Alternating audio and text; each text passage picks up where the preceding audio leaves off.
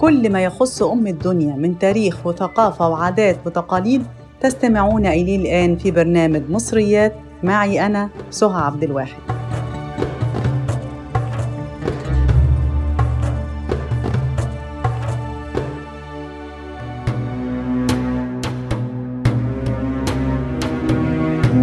عبرت من خلالها جيوش وشنق عليها سلاطين أبواب القاهرة القديمة. رغم مرور أكثر من ألف عام على تشييدها لا تزال أبواب القاهرة القديمة تقف شامخة تتحدى الزمن. فكانت ولا زالت شاهدة على قصص وحكايات تروي صفحات من تاريخ مصر والعالم.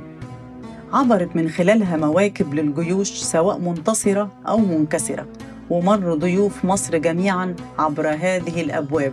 وكذلك مواكب الجنازات والاحتفالات الرسمية. أشهرها هي الأبواب الثمانية الفاطمية واللي مثلت صمام الأمن والأمان للدفاع عن القاهرة التاريخية والتي لم يتبقى منها إلا ثلاثة أبواب فقط.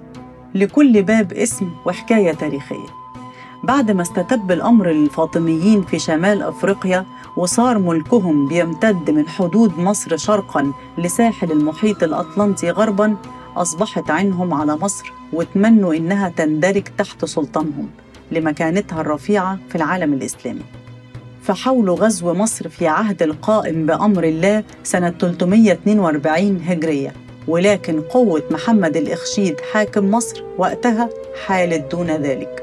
وفضلوا متربصين بمصر لحد ما واتتهم الفرصة لما أصاب الوهن ملك بني أخشيد وتولى أمر مصر ضعاف الملوك. فاستغل المعز لدين الله رابع الخلفاء الفاطميين الفرصة وأرسل جيشه ليحتل مصر سنة 358 هجرية وعلى رأس الجيش القائد الأول جوهر الصقلي اللي أمر بإنشاء سور كبير مبني من الطوب اللبن على شكل مربع. وشيد السور على مساحة 340 فدان هي مساحة القاهرة في الوقت ده. وكان الهدف منه هو توفير الحماية والأمن لمدينة القاهرة لأن كان المقصود بالمدن في العصور الوسطى إنها تكون قلاع حصينة بيحتمي وراءها السكان ضد الغزاة الفاتحين.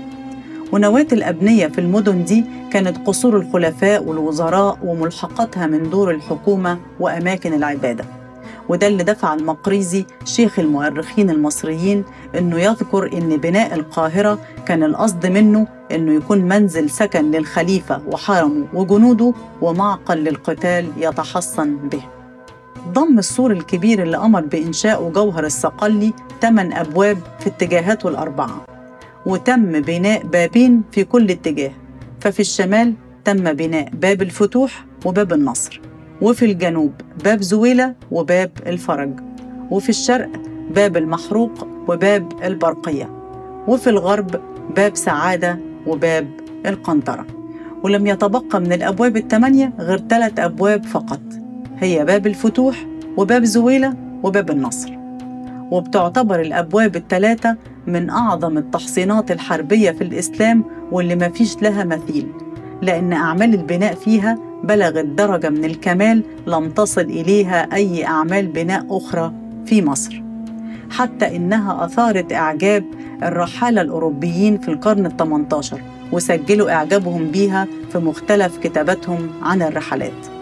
وتأثرت بها العمارة الحربية الأوروبية وبنيت على غرارها بوابات في أوروبا. وبتكمن قيمة البوابات التاريخية في إنها بتحتوي على مجموعة من أبرز وأشهر الآثار الإسلامية في العالم.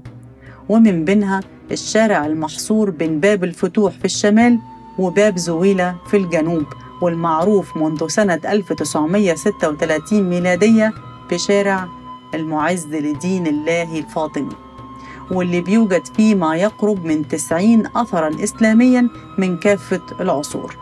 وبيظهر بوضوح في الأبواب الثلاثة وحدة البناء المعماري وتأثره بالفن الأرميني طبقا للمهندسين أصحاب البناء.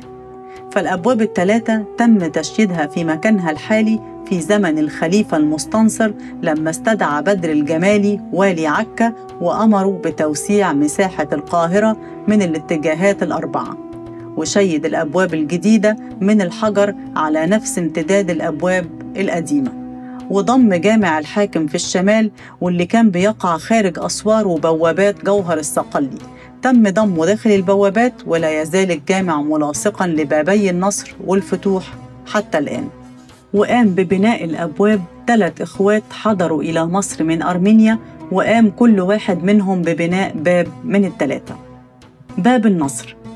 باب النصر بيعتبر بوابة القاهرة الشمالية وأول الأبواب التاريخية اللي بنيت في العصر الفاطمي.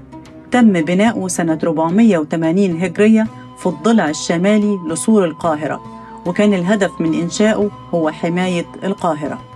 واستخدم في بنائه أحجار تم تفكيكها من المعابد المصرية القديمة. وشهد باب النصر العديد من الأحداث التاريخية وكانت الجيوش المنتصرة بتمر من خلاله عند عودتها من المعارك والغزوات ولذا سمي بباب النصر. بيتكون الباب من برجين مربعين كبار عليهم نقوش حربية ويتوسطهم باب شاهق به فتحة من الأعلى تسمى السقاطة. كانوا بيصبوا منها الزيت المغلي والمواد الكوية على العدو عند محاولة اقتحام الباب. باب الفتوح باب الفتوح تم بناؤه سنة 480 هجرية في الضلع الشمالي أيضا لسور القاهرة وتم ربطه بباب النصر من خلال سور بيصل بينهم ويحتوي على سراديب ودهاليز. وبيتكون الباب من برجين مستديرين يحتوي كل برج على حجرات كان الغرض منها هو الدفاع عن القاهرة. أما باب زويلة ثالث الأبواب المشيدة في العصر الفاطمي تم بناؤه سنة 485 هجرية ويقع في الضلع الجنوبي من سور القاهرة. وكان للبوابة فتحتين تم تخصيص الأولى لدخول الأهالي بعد دخول المعز لدين الله الفاطمي منها لما زار القاهرة والتانية لخروج الجنازات. ثم أصبحت الفتحة واحدة بعد تجديد السور. بيتكون باب زويلة من برجين مستطيلين فوق كل برج حجرة للدفاع والمراقبة. وسمي باب زويلة بهذا الاسم نسبة لقبيلة زويلة وهي من قبائل البربر في شمال أفريقيا اللي انضم جنودها لجيوش جوهر الصقلي لفتح مصر.